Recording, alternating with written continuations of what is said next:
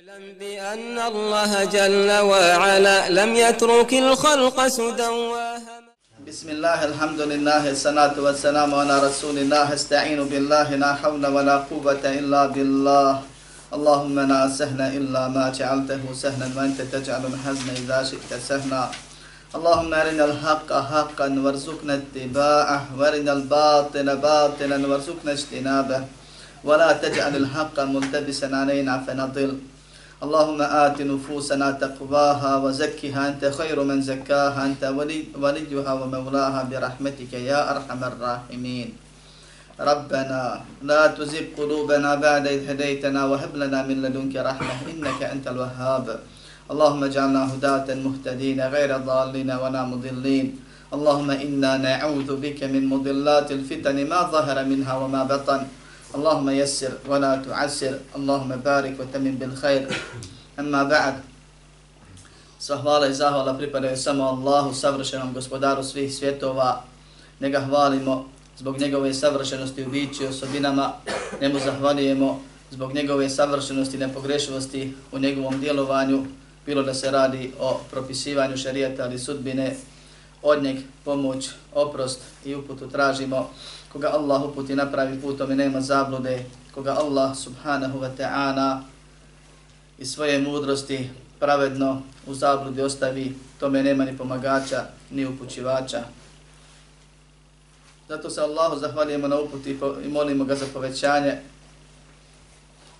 i svjedočimo srcem, jezikom i dijelima sve dok živimo da nema drugog Boga sem Allaha jedini nema sudruga i da je Muhammed sallallahu aleyhi ve sallame Allahov rob najbolji, njegov poslanik posljednji kojeg je Allah poslao sa zadatkom da ljude pozove u robovanje, vjerovanje, obožavanje samo Allaha subhanahu wa ta'ala i da im pokaže kako se to čini. Pa kad kaže da svjedočimo da nema drugog Boga sem Allaha, to znači da ne obožavam nikog sem njega, ne činimo ibadet nikom sem njemu. I kad kaže da svjedočimo da nema, da je Muhammed sallallahu aleyhi ve sellem Allahov rob i poslanik, to znači da bismo trebali da Allaha subhanahu wa ta'ala obožavamo isključivo onako kako je nam je to pokazao poslanik Muhammed sallallahu aleyhi ve sellem sljedeći njega u tome bez dodavanja ili oduzimanja neke Allahu salavat i salam na Muhammeda, njegovu porodicu, ashabe i sve one koji ga slijede do sudnjega dana. A zatim,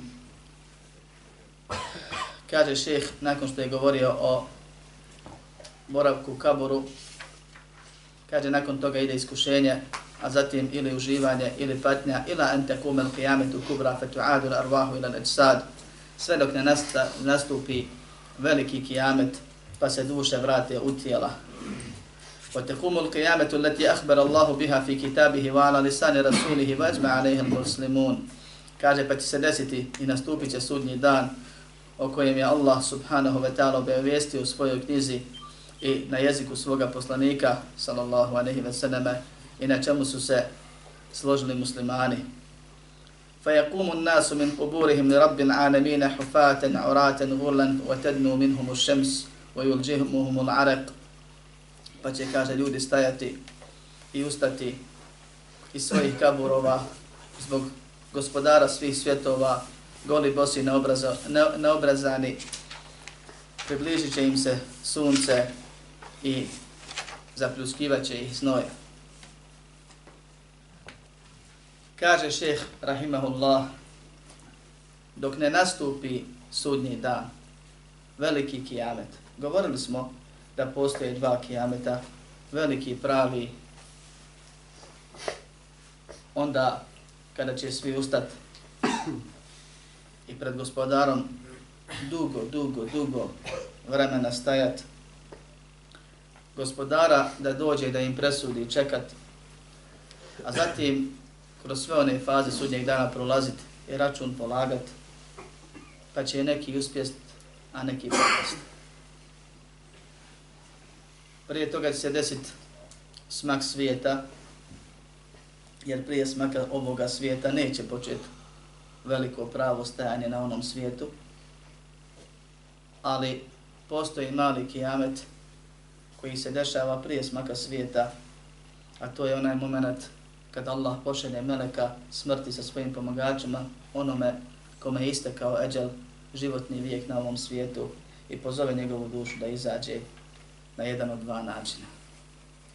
I to je mali kijamet, o njemu smo govorili prošli put. Nakon malog kijameta i nakon stiska i ispitivanja i patnje ili uživanja, duše borave u kaborima do velikog kijameta ljudi za to vrijeme žive na dunjaloku, smjenjuju se, jedni se rađaju, drugi umiru, do smaka svijeta, koji ima svoje preznake.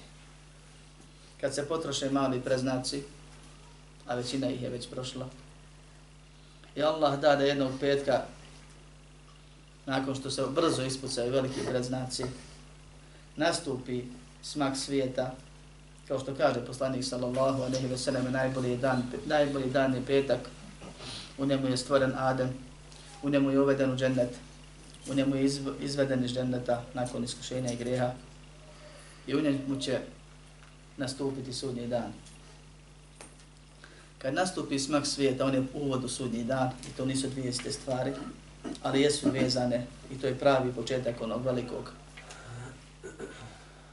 dana, najbitnijeg dana u našim životima vječnim. Desit će se promjene totalne i apsolutne promjene. Allah subhanahu wa ta'ala o tome na više mjesta u Kur'anu govori.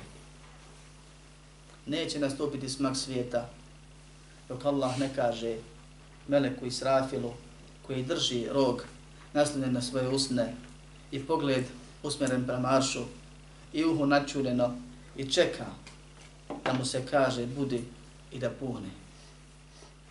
Neće nastupiti smak svijeta dok se prvi put ne puhne u rog. A kad se prvo puhne u rog, ovog svijeta će nestati. Zemlja će se zatrest, planine pokrenut, raspast, nebo raz, napuknut, raspuknut, počet polako da se guli, zatim ogulit, sunce sjaj izgubit, zvijezde popadat, vrijeme, e, voda ili mora eksplodirat, pa se vatrom ispunit i sagorjet. Allah subhanahu wa ta'ala će umeđu vremenu uzet zemlju, pa je u svojoj šaki, šaci stisnut, zatim je smotat. I uzet nebesa, pa ih smotat kao što se mota list papira, jer kad prvi put se puhne urok, kao što Allah kaže va nufiha fi suri fa sa'iqa man fi samawati wa man fi al-ardi illa man sha Allah. Urok će se puhnut pa će pomrijeti svako ko je na nebesima i na zemlji osim onaj koga Allah izuzme svi će u tom momentu biti mrtvi. Svi osim koga Allah izuzme.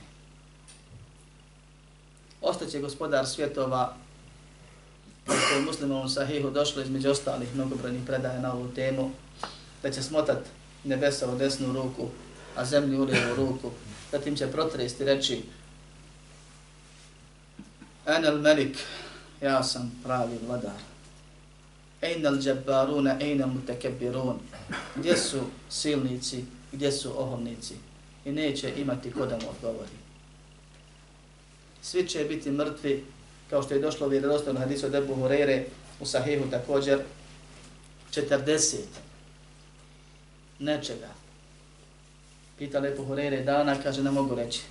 Ne zna, zaboravio. Nije čuo. Sedmica, kaže ne mogu reći. Mjeseci ili godina ne mogu reći. Ili kako je već dana, mjeseci godina. Pojenta je da će 40 nečega.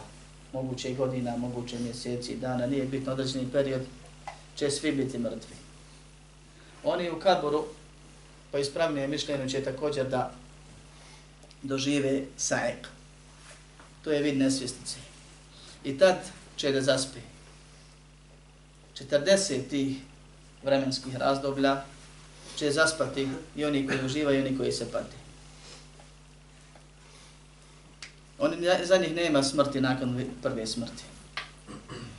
Ali će biti u jednom posebnom stanju poput stanja nesvjestice.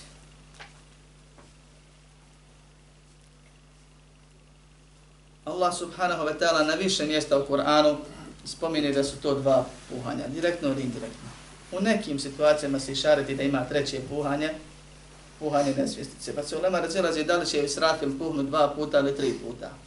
Složni su da jedno puhanje da svi pomru i drugo zadnje puhanje da svi prožive.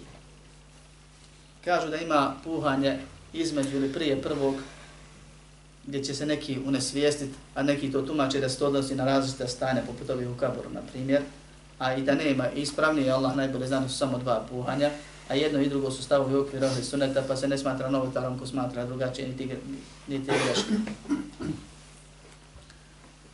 Prvi put, kad Israfil puhne, iznenadit će sve.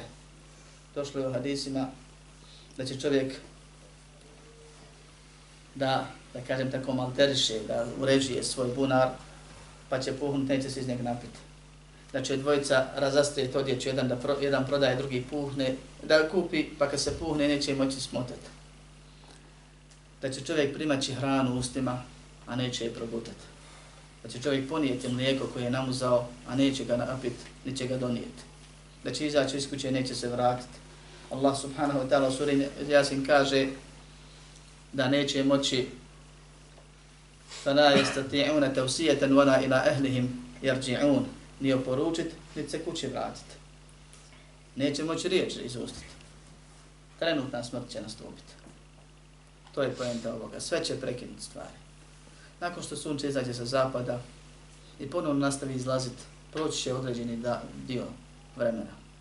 Do te mjere da će mnogi ljudi za to i zaboraviti, može čak i negirati. Ali toga će tad prestati. I smak svijeta će nastupiti, što se tiče dunjaluka, na najgorim stvorenjima. na onim koji neće, neće govoriti ni Allah, Allah, tad se ne znam neće govoriti. Biće, imaće apsolutnu slobodu. Poput margaraca će općiti na ulicama. I na takvim će nastupiti smak svijeta. Međutim, smak svijeta kad nastupi, opet će sve iznenaditi totalno, jer će oni nastaviti živjeti.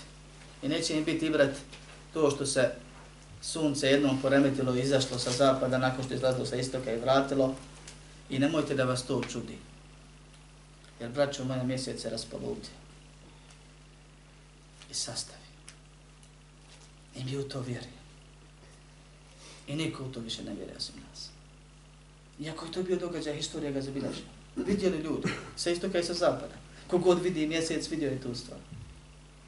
Bilo je prošlo, hajde sad ubijed nekoga da je to bilo. Tako će biti vjerovatno, to je jedno tumačenje sa onima koji budu živjeli nakon jel nije tamo, amo, možda jeste, možda nije i tako dalje. Ili ako jeste prirodna pojava, naći nekakvo opravdanje što se to desilo, brnulo, za, okrenulo. A neće i brata uzeti, a i da uzmu kasnije. Oni koji uzmu, koji budu svjedočili završeni. Koji je bio vjernik, dotad vjernike, nakon toga mu se ne prima ako se pokaje ili uzvjeruje. Allah subhanahu wa ta'ala naredi strafil da puhne pomrijeći oni na nebesima i oni na zemlji, osim koga Allah izuzme. U nama se razilazi ko su ti na više mišljenja. Jedni kažu to su mrtvi jer nema smrti nakon smrti. Pojasnili smo da nisu mrtvi, ima dokaz za to da će i on imati određeno stanje. Jer kaže poslanik sallallahu a nehi veseleme, ja sam prvi nad kojim će se rascijepiti kabur. Pa ću ustjeti i vidjet Musa kako se drži za stuba varša. Pa ne znam, kaže, je li proživljen prije mene ili je izuzet. Ako poslanik sallallahu alejhi ve sellem ne zna je li Musa izuzet, znači da ne zna ni on ko su ti koji su izuzeti. I ko će od muslimana, učenjaka ili učenika ili ostali vjernika doći reći ovi jesu izuzeti, ovi nisu. Nego za neke se može tvrditi na osnovu dokaza da spadaju u tu kategoriju, ali to nije sve. I zato ima Mahmed ibn Taymi i drugi kažu da su to hurije i mladići u džennetu, jer u džennetu nema smrti, meleci koji su u džennetu po jednom mišljenju i tako neke stvari. Uglavnom oni u džennetu ili čuvar džehennema, iako dokazi upućuju da će pomrijet i meleci koji su na zemlji i na nebesima, pa moguće je da meleci neće biti izuzeti. Ali bit će onih koji su izuzeti, Allah zna ko su Dok je osnova da će znači skoro svi na nebesima i na zemlji pomrijeti. Kažemo skoro svi, jer Allah kaže pomrijeće svi koji su na nebesima, svi koji su na zemlji, osim oni koji su izuzeti. To je dokaz da nisu svi. I da u arabskom jeziku također riječ kullu, a to nam je trebalo prije, treba će nam kasnije nekad kad su pita neke dokaze. Iako znači sve, ne znači bukvalno vaša apsolutno sve, nego može se da se izuzme u samoj rečenici pa da ne obuhvata jezički sve.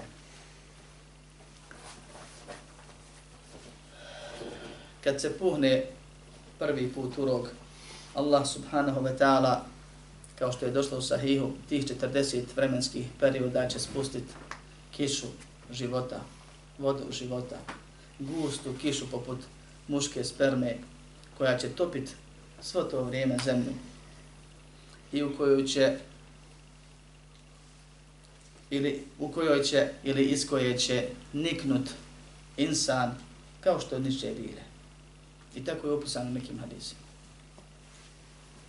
Poznato je da insan trohne cijeli i da duša boravi u zagrobnom životu. Kaže se u kabru. Iako imaju predaje da biva u džennetu. Pa se ulema razilazi da li su duše vjernika u džennetu, a tijela u kaburu, a imaju vezu osjećaju. Ili su, ili je to povremeno odlazak u džennet i vraćanje u kabur. Ili su u kaburu, a dolazi im samo iz dženneta i imaju dokaz za, za vjerovjesnike i za šehide da zaista ulaze u džennet dušama, a ne tijelima. Sad da li stalno boravi ili ne, sve je moguće, tako da se ne smije ništa kategorično tvrditi u smislu ovo jeste, ono nije.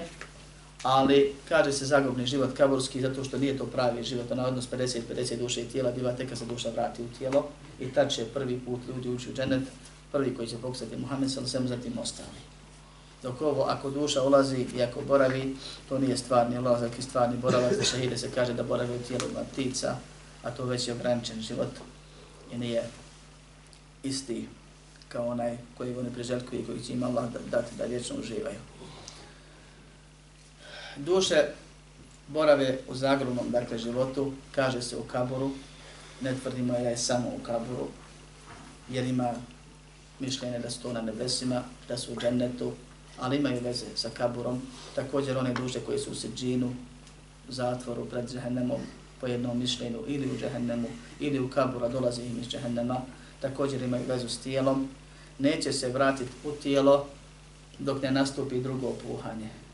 Ali se tijelo koje se raspadalo postepeno onako kako se raspada, vraćat će se tokom tih 40 vremenskih razdoblja onako kako se, kako niče bile ili kako je prvi put zametnuto.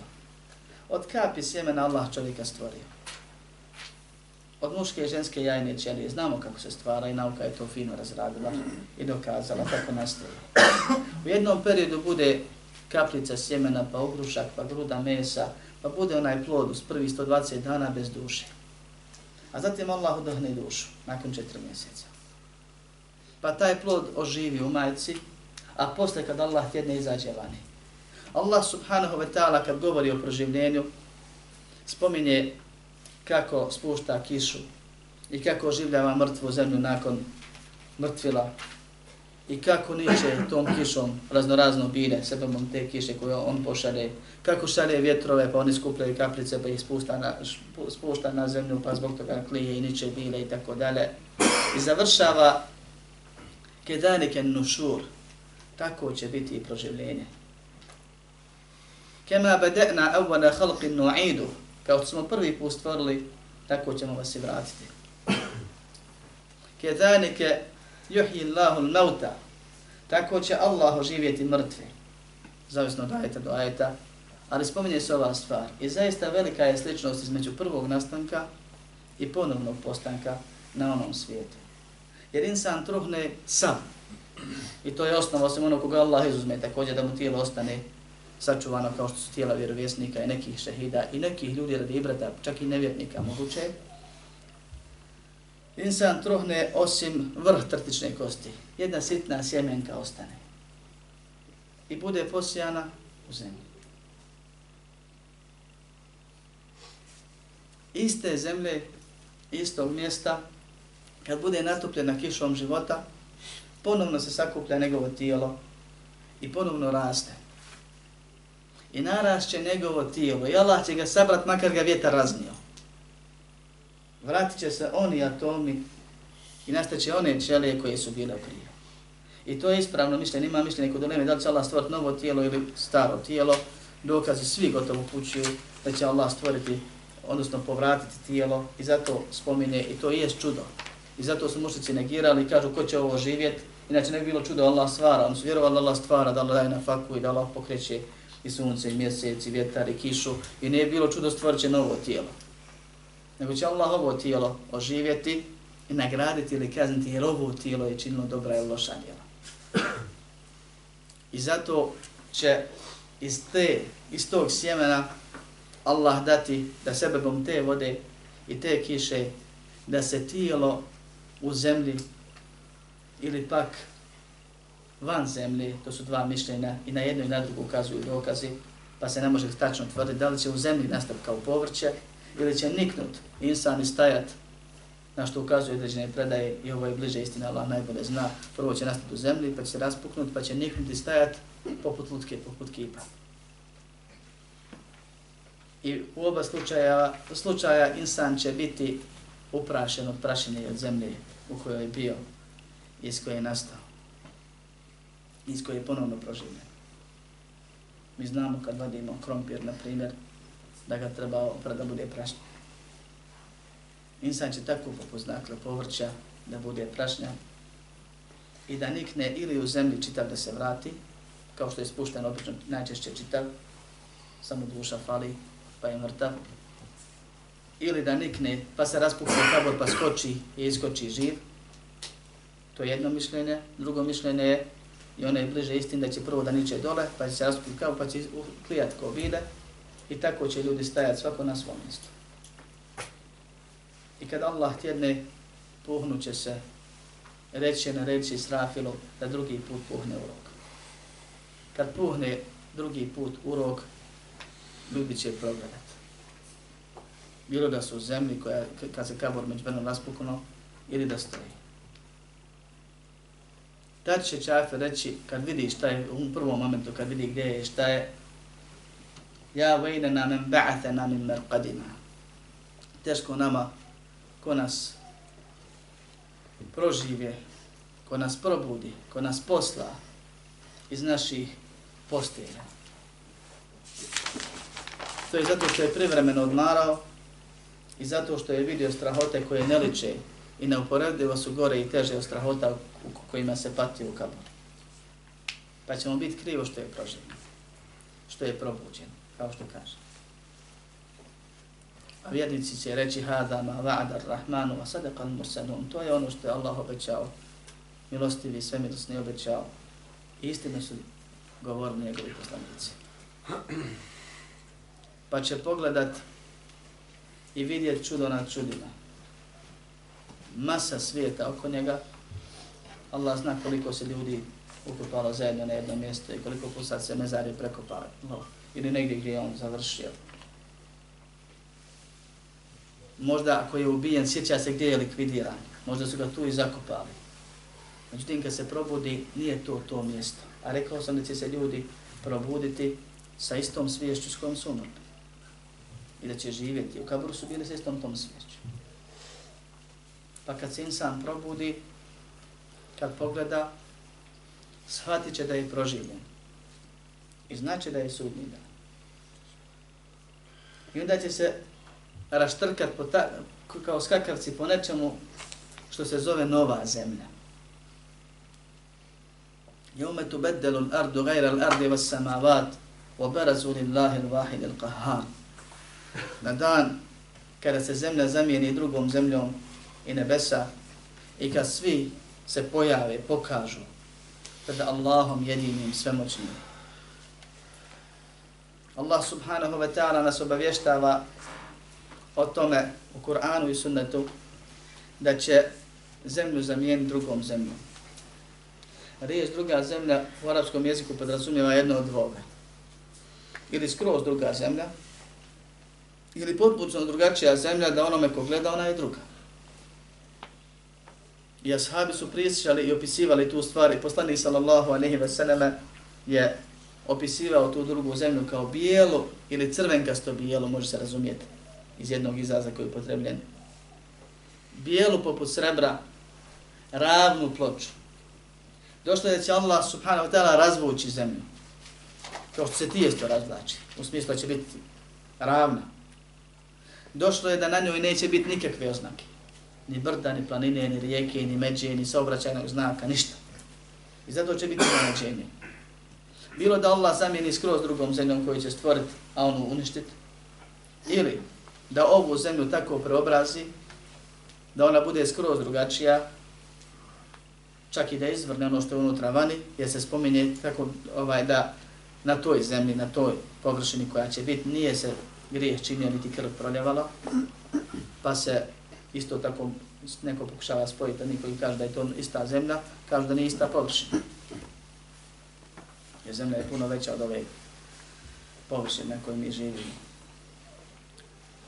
Allah subhanahu wa ta'ala će razvoći zemlju, bit će ravna, bit će bijela, poput lepine, malo rumena, po jednom tumačenju hadisa vjerodostojnog u sahihu. Sa jednom blagom uzvišicom, skoro neprimjetnom, ali dovoljno da se istakne umet Muhammeda sallallahu alaihi sallam na ostalim umetima. Ali to je kasnije kad budu skupljeni, to je na mahšeru već. Dok onaj ko bude proživljen vidit će samo ravnicu. Ravnicu koja je postala ravna nakon što je Allah subhanahu wa ta'ala pokrenuo planine. Zatresao zemlju. Pa su se počele da lome i kidaju komadi veliki brda i planina. I da se pomjeraju. Pa su bile kao vuna raščupana. Zatim su počeli da se tresu, da lete. Pa se učinilo kao da hodaju, Fata Morgana, onome ko me gleda, zamut, zamuti mu se. Pa će Allah subhanahu wa ta'ala brdo uzbrdo kucnut. Pa će se uprah pretvoriti. I kad se prašina slegne, sve ravnice biti. To je ono što će biti samo sa, sa, sa brda. Na nebu sunce će se smanjiti, povući u sebe. Zatim se ja izgubiti. A posle će ga Allah subhanahu wa ta'ala opet vratiti. Zvijezde će popadat, mora ili prelit jedna s drugim sastaviti po jednom tumačenju ili eksplodirati, a zatim zapaliti. To, eh, tako se tumači fuđirat i suđirat iz dvije sure. Komplikovano hafiz, onima koji ih ne nauče razliku. Jer fuđirat znači eksplodirat, a suđirat zapalit. I fuđirat isto tako znači izvirat. Pa kažu sastavit, pre, prelit, a ovi srameni kažu eksplodirat, pa onda zapalit, izgorit. Allah subhanahu wa ta'ala će zamijeniti zemlju zemljom, bilo stvarno i do prenesenom značenju. Uglavnom zemlja neće biti onakva kako mi pamtimo, bit će šira, ravnija, dovoljno da primi sve one koji su živjeli i umrli i koji će živjeti nakon nas i umrijeti do sudnjeg dana.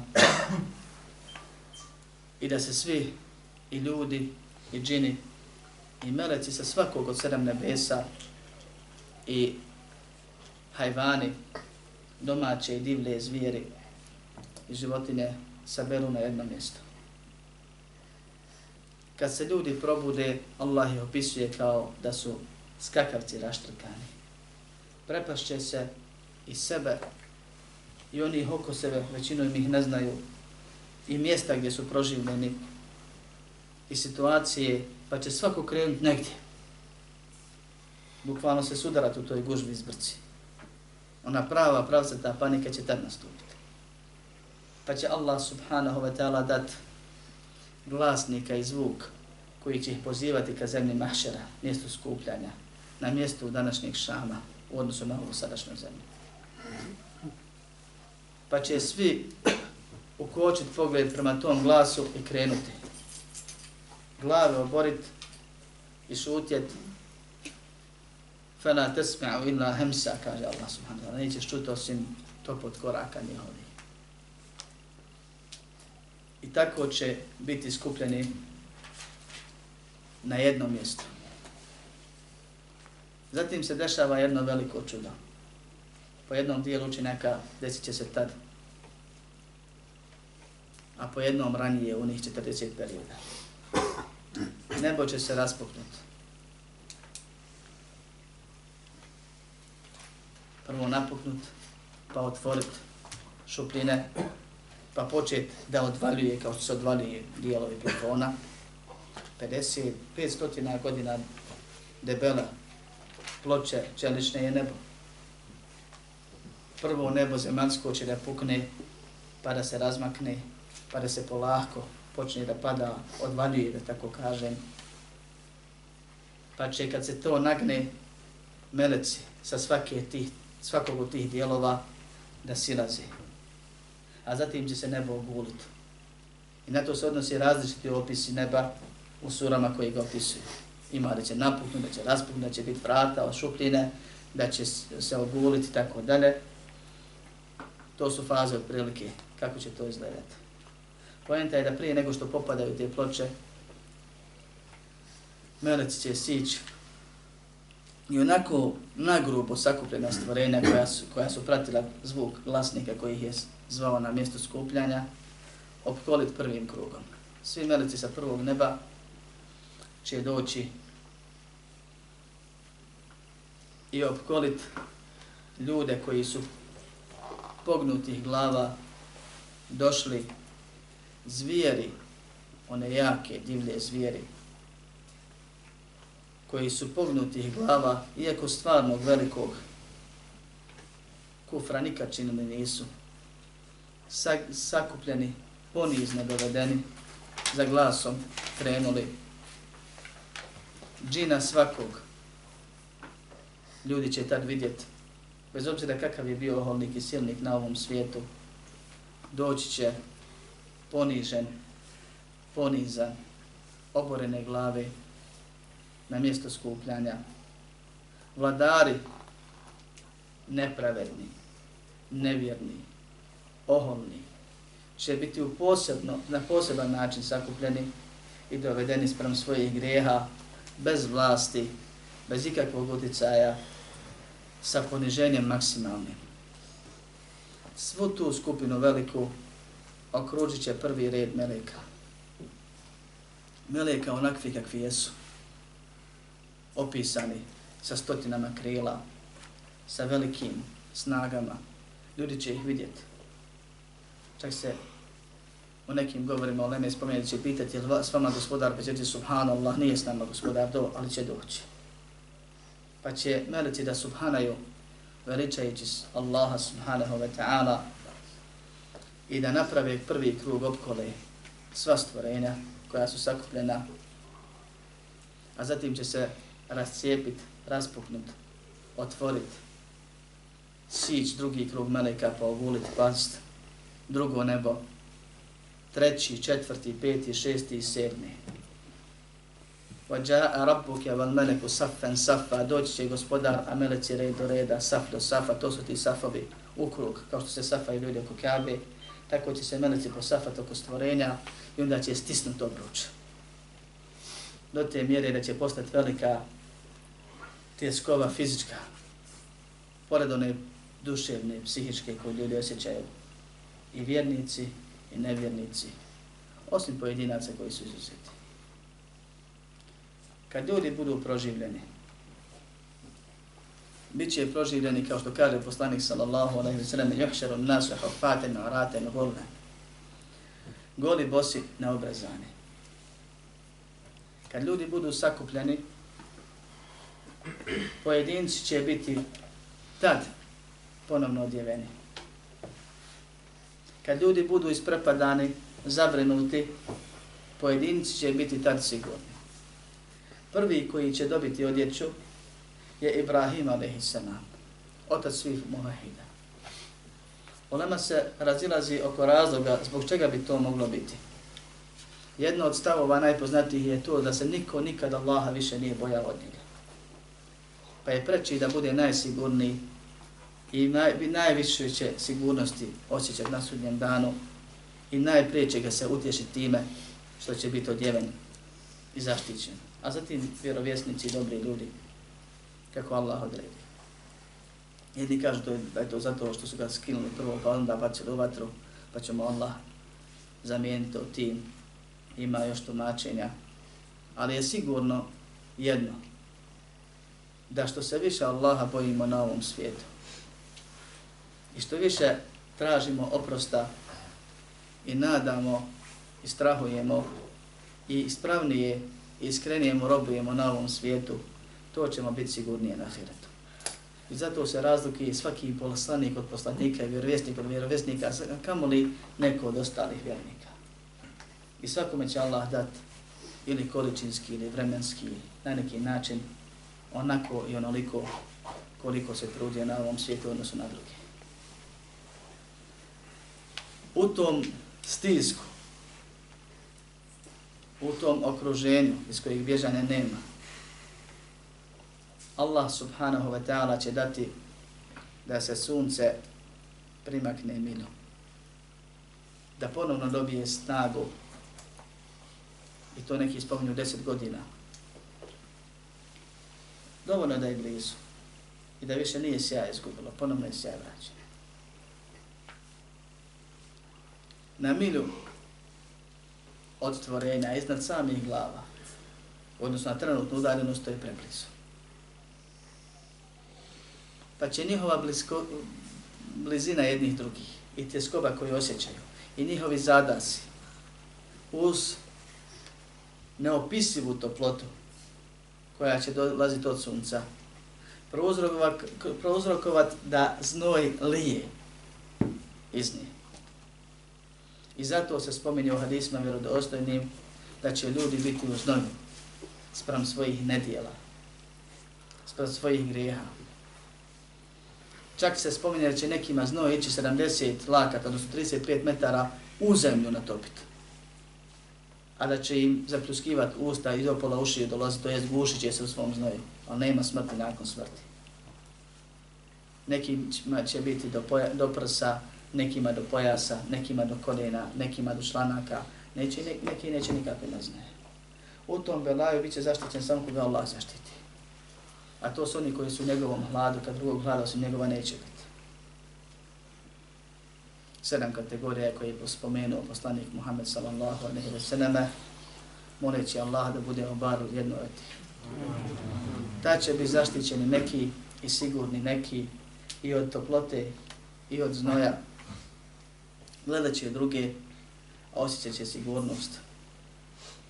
I čekat će i jedni i drugi i treći u danu koji 50.000 godina traje da dođe gospodar svjetova da im presudi ovo, bez obzira koliko mi pričali tekom tamo trećem licu, ovo je naš dan, naš život.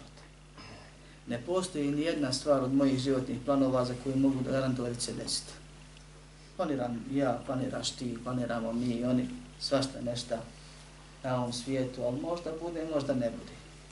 Ali ovo proživljenje, ovo nicanje, ovo buđenje, ovo ustajanje, ovo hodanje, ovo sakupljanje, gledanje džina i hajvana i meleka, strahovanje na danu koji se zove Al-Qari'ah, dan lupanja srca, dan zaglušujući zvukova,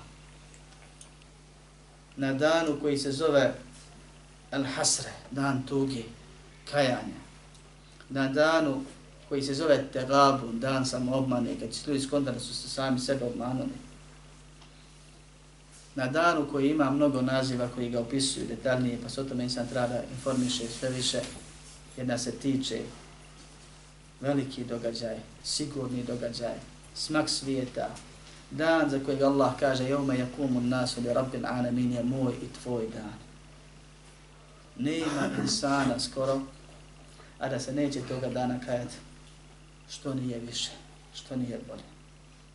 I nema insana da se neće i najmanjem dobrom dijelu obradovati i zbog najmanje greha rastužiti.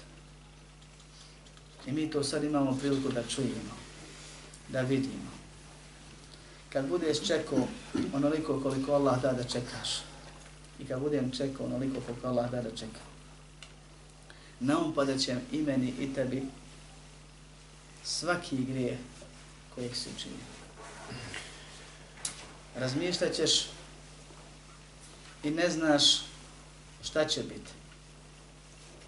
I ljudi će tako čekati koliko Allah htjeli da čekaju, a zatim će on doći lično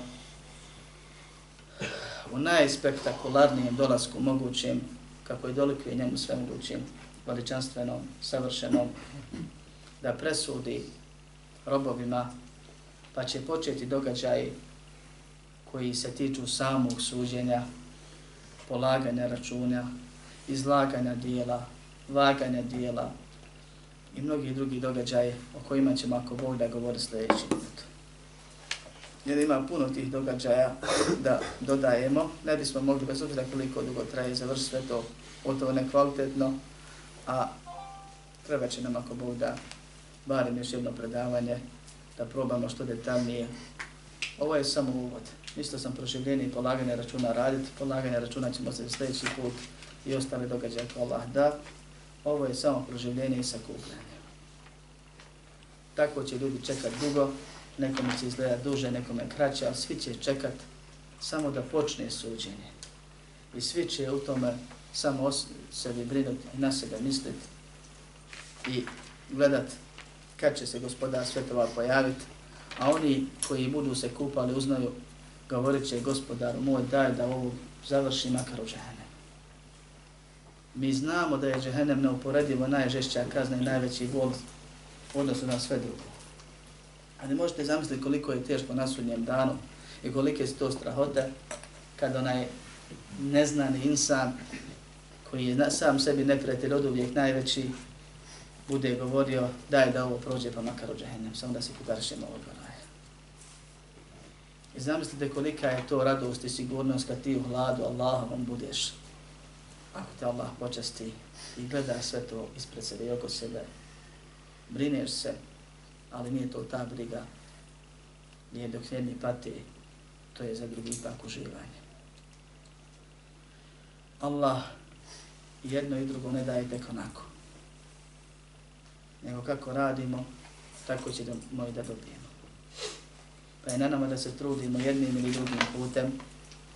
Allah subhanahu wa ta'ala će olakšati svakome onome ko krene nekim putem. Allah nam je pokazao dva puta i prepustio nama da izaberemo i neće nam nepravdu učiniti. Pa molim Allaha subhanahu wa ta'ala da nas uputi ispravnim putem i učvrsti i usmrti na njemu da nas proživi s onima s kojima je zadovoljan i koji su sigurni i sretni na oba svijeta, da nas poživi kao one koji dok žive sebi i drugima dobro čine, kad preselimo na smrtne muke, budu zadnje muke koje osjetimo, da nema muka u kaboru, da nema belaja na sudnjem danu i da nema ulaska u džehennem, nego vječno dženesko uživanje. To nije nemoguće sa Allahom subhanahu wa ta'ala a sami ne možemo ništa učiniti. La havla wa la qubata illa billah. اعلم بأن الله جل وعلا لم يترك الخلق سدى